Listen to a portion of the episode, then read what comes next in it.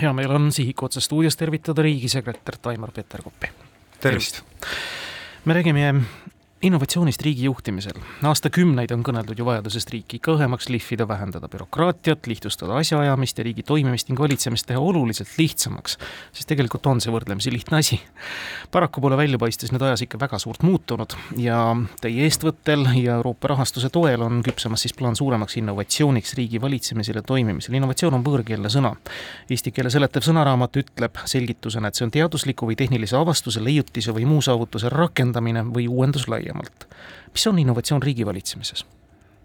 võib vist kõige lihtsamalt öeldes ongi see, kui asju tehakse teistmoodi ja tõhusamalt. vähemaga tehakse ära rohkem.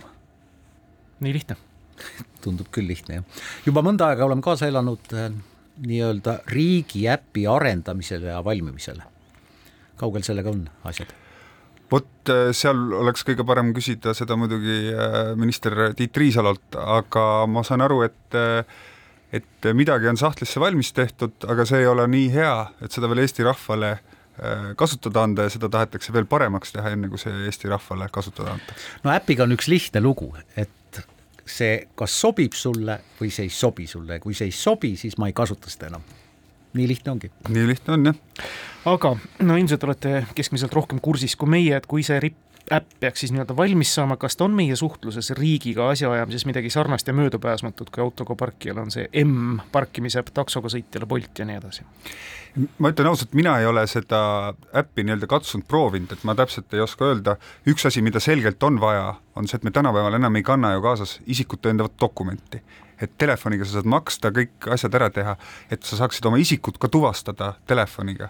Sellist arengut on selgelt vaja ja seda see äpp on lubatud tegema, aga kõik muud asjad, ma arvan, et tavainimene riigiga suhtleb nii vähe, et, et võib-olla igapäevaselt ei olegi seda vaja, aga see isiku tuvastamine mobiili vahendusel, seda oleks küll hädasti vaja.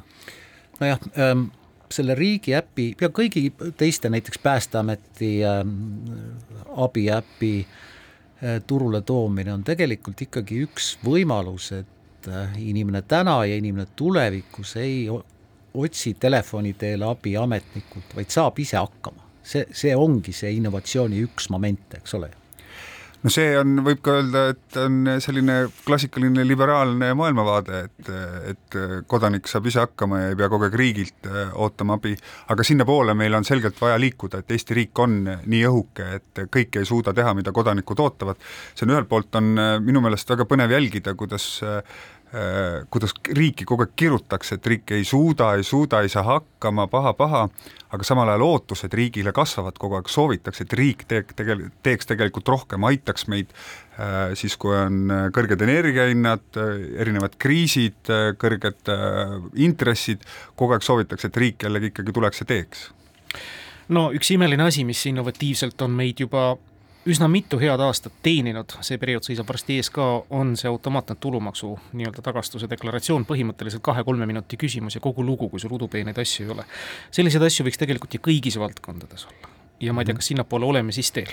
jaa, me oleme sinnapoole teel, jällegi siin on minister Tiit Riisalo kindlasti äh, parem kõneisik, rääkides personaalsest riigist, aga see põhimõtteliselt ongi see, et äh, et äh, konkreetselt inimesest lähtuvalt, äh, mis tema vajadused on, äh, milline tema, kus ta oma elukaarel parajasti asub, et riik pakub talle personaalset lähenemist ja tema võimalikult vähe peab ise tegema, et arvestades tehnoloogia võimalusi praegu, arvestades neid andmeid, mis meil tegelikult inimeste kohta on, arvestades tehisintellekti tulekut, siis sinnapoole me oleme teel, me oleme mingites asjades oleme kohal, aga suur tee on veel minna. no vot, väga hea, et tehisintellekti ai juurde jõudsin. paratamatult tuleb ai kaasata nendesse arengutesse, me ei saa mööda minna, me ei peagi mööda minema, on nii? nii on. me oleme juba ka tehisintellekti kaasanud, et Eestis äh, minu teada suurusjärgus äh, sada kuuskümmend äh, e-teenust, ma loodan, et ma numbriga ei eksi, ma mälust siin tsiteerin, kasutab nii-öelda kitsa tehisintellekti lahendusi aga mis valdkond oleks mõistlik veel nüüd kindlasti ai kratina siis rakendada sellel heal rehepaplikul moel, unustamata muidugi kontrolli selle tehisintellekti ja tema võimaluste üle? me peame igal pool seda rakendama, just see, mida äh,, mida see nii-öelda, ma ei tea, kuidas nüüd eesti keeles on see generatiivne tehisintellekt vist öeldakse. loov. Äh, loov, jah mm. -hmm et ma arvan, et et meil on oluline avalikus sektoris kõik hakata sellega tegelema, seda nii-öelda sellega mängima, sellega harjutama, et aru saada, mis võimalusi igas konkreetses riigiasutuses, igas konkreetses töö juures see võimaldab parandada, et mingeid asju me teame juba praegu, noh, mingeid jutupunkte teha, äh, andmeid koguda, analüüsida et, et, et mida ta võimaldaks juba praegu meil paremini teha, aga ma arvan, et suurem osa asju, mida ta võimaldaks meil paremini teha, me lihtsalt praegu ei teagi veel, et me peame õppima alles seda. millal meil jõuab kätte see hetk, kui me saame tehisintellekti Riigikokku valida või, või peaministri temast teha?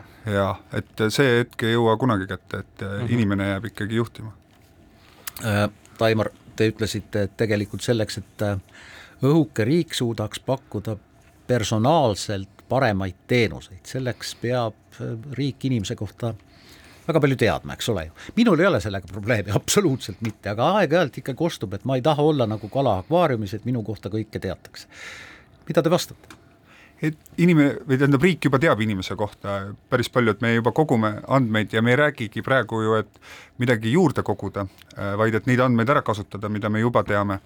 ja muidugi inimene, kes ei soovi olla Äh, selle maailma osa, tal peab olema siis võimalus äh, nii-öelda välja astuda ja öelda, et minu andmeid ei tohi kasutada, et äh, ma usun, et enamus meist ikkagi soovib seda, et, et riik oleks võimalikult tõhus ja tuleks, ütleks mulle neid asju, mille peale ma ise võib-olla ei tulegi, et et mida võiks teha, et minu elu veel parem oleks, et ma usun, et enamus inimesi ikkagi soovib seda, et riiki ei pea siinjuures kartma, et riik üldiselt ju andmetega käib väga hästi ümber, on mingeid apsakaid olnud ja nendest tuleb õppida ja siis vältida, et äh, neid apsakaid ei korduks. Ma tean, et te humoorikalt isekeskis kasutate päris tihti üksteise iseloomustamiseks ja nöökamiseks sõna süvariik, teie suletegi, eks ju meie hea kolleeg ja peagi eetrisse tulev endine minister Rein Lang on toonud käibele väga teravmeelse ja täpse mõiste ja võrdluse kui ABS. see on siis tehnoloogias, on ta siis üks pidurisüsteem, aga Langi käsitluses on ta siis administratiivbürokraatlik süsteem. on see ka nüüd teie ehk siis uue aja tippjuhi arvates probleem ja seda tuleks tõhusamalt hakata lahendama ikka päris, päriselt ka, mitte ainult sõnades? jaa, no ta iseenesest ju ei ole probleem, ses mõttes, et bürokraatial ongi mingi eesmärk, eh, on tagada meie eh, hea ja tõhus eh, riigi valitsemine, aga jah, et ta ei oleks, sellega tuleb tegeleda, ei oleks probleemi, et ta ei pidurdaks meie elu, et ta ei oleks nagu maailm iseeneses, vaid ta looks väärtust Eesti inimestele, et sellega tuleb pidevalt tegeleda ja selle jaoks ongi innovatsiooni vaja. et innovatsioonikultuuri vaja, et seesama bürokraatlik süsteem Äh, mõtleks kogu aeg sellele, kuidas me saame nende, sellel keerulisel ajal Eesti elu paremaks teha, sest jah, me ju elame maailmas, mis läheb kogu aeg üha keerulisemaks, meie elanikkond vananeb, rahvaarv väheneb, äh, häid inimesi äh, on üha vähem igas sektoris, õpetajaid vähem, politseinikke vähem, aga ka ametnikke vähem. Ja seetõttu meil see surve tegelikult teha vähemaga rohkem on tohutu.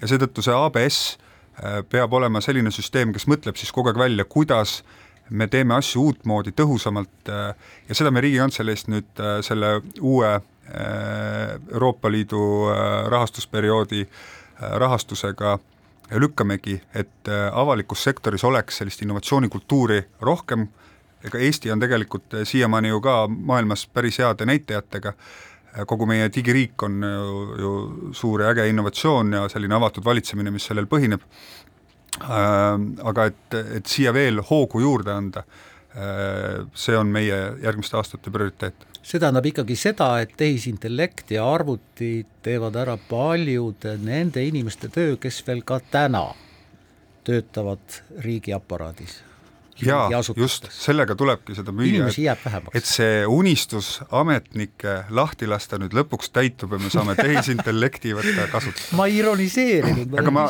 aga ausalt nii ongi, ega see äh, tehisintellekt saab väga palju seda tööd ära teha, äh, just andmete kogumine, analüüsimine äh, ja nende esitamine, visualiseerimine, selle saab kõik anda masinate teha, aga ma kardan, et ega ametnike arvu oluliselt vähendada ei saa, sest lihtsalt neid ülesandeid, mis meil vaja teha on, on nii palju, et siis me saame lihtsalt järjekorras liikuda edasi ja võtta järgmise ülesande, millega peab tegelema, nii et et see, et me nüüd kõik saame mõnusalt panna jalad laua peale ja mõelda, et tehisintellekt teeb töö ära ja, ja, ja me saame kõik puhata, seda momenti ma kardan ka ei tule kaks aastat tagasi suvel sain ma vapustava kogemuse osaliseks, see oli kolm aastat tagasi tegelikult.